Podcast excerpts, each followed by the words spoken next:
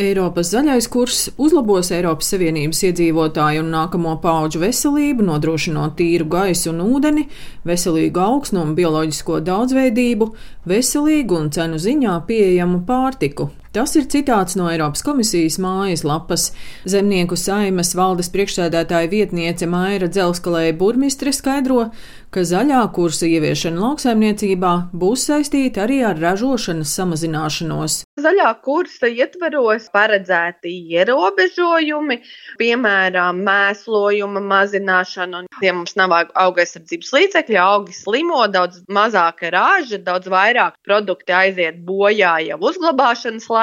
Un tās nākotnes tendences tādas arī ir, ka tā saražotā produkcija būs mazāka un viņa būs dārgāka.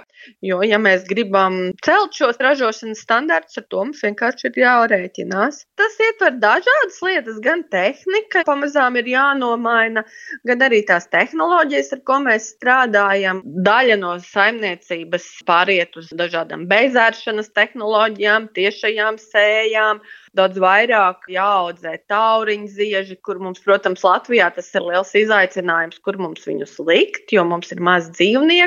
Mēs teorētiski varētu audzēt āboliņu, lucernu un tādējādi arī piesaistīt augstnēju slāpekli, kas mums palīdzētu kompensēt to mēslojumu samazinājumu. Bet uh, mums lopi Latvijā ir maz, mums jau to āboliņu vai lucernu nav kam izbarot. Varbūt mūsu nākotne ir zirņi un pupas jauni produkti jāattīsta un jāiemācās eh, izaudzēt šos kultūra augus. Kā dzirdējāt, izaicinājumi saistībā ar zaļā kursa ieviešanu vienā nozarē lauksaimniecībā ir gana daudz.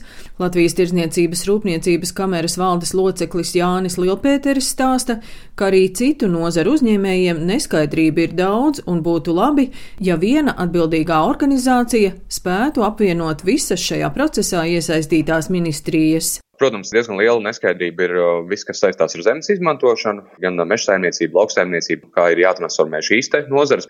Esam dzirdējuši arī, protams, ļoti radikāls viedoklis, ka atsevišķas nozares varētu tikt iznīcināts, tāpat kūdras ražošana un izmantošana kā kurināmais. Skaidrs, ka šis zaļā kursa tēmas skars ļoti plašu loku, un tas ir sākot no transporta, turpinot ar enerģētiku, pavisam noteikti arī nodokļu politika, Tur var būt gan pozitīvie un daudz dažādi ieguvumi. Tādai kopējai Latvijas uzņēmējdarbības vidē, attīstot jaunas biznesa virzienus, bet tajā pašā laikā, nu, ja šī politika no valsts puses netiks koordinēta, caurspīdīgi, saprotami un paredzami, tad mēs riskējam ar to, ka mums nāksies vienkārši tos Eiropas Savienības klimata mērķus ķert, un pēc tam tas patiesībā nāks ar tādiem negatīviem atstieniem pa mūsu ekonomiku, nu, gan ceļot nodokļus, gan droši vien citos veidos. Tā kā ir ļoti svarīgi tas, lai Latvija kā valsts būtu ar tādu skaidru redzējumu par to, kā mēs izmantosim šos piedāvātos instrumentus, kas nāks, protams, pakotnē ar kārtējām prasībām vidas mērķu sasniegšanai, lai šis valsts kopējais virziens būtu tiešām skaidrs un arī loģisks no valsts ekonomiskās attīstības viedokļa. Vides un reģionālās attīstības ministrijas ministra padomnieks Madars Lasmanis stāsta, ka šobrīd izveidota ministriju koordinācijas darba grupa un tiks veidota arī nozaru ekspertu darba grupa transports, lauksaimniecība un enerģētika, kur ir lielākie izaicinājumi. Tās ir katra atbildīgā ministrija, un tad mums, mēs kā varams mēģinām visu savest kopā pie galda un mēģinām skaidrot, kā tad ir jāvirzās. Ministrs arī plāno šogad izveidot nozaru ekspertu darba grupu, kurā pulcēt arī visas sabiedriskās organizācijas, lai zinātu, kas notiek nozarēs un kas ir aktuāls. Un diezgan skaidri nospraust tie mērķu grafiks, kurā gadā kas notiekās, un lai to sasniegtu, ir virkni mājas darbu katrai tai ministrijai jāpaveic. Madars Lasmanis no varam arī skaidro, kā Eiropas zaļais kurs ietekmēs reģionu attīstību. No nākamā gada būs iedzīvotājiem pieejams daļēji subsidēts elektroautoiegādes jautājums. Pašvaldībām būs pieejami dažādi risinājumi sava transporta tīkla uzlabošanai, elektroautomobīļu, dodot prioritāti skolēnu pārdājumiem.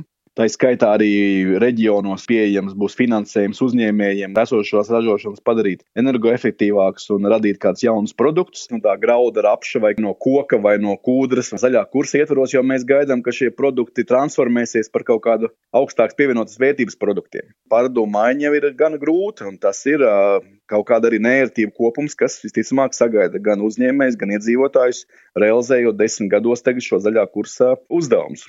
Eiropas zaļo kursu finansēs no Eiropas Savienības budžeta septiņiem gadiem, kā arī piešķirot vienu trešdaļu no 1,8 triljoniem eiro lielajām investīcijām atveseļošanās plānā.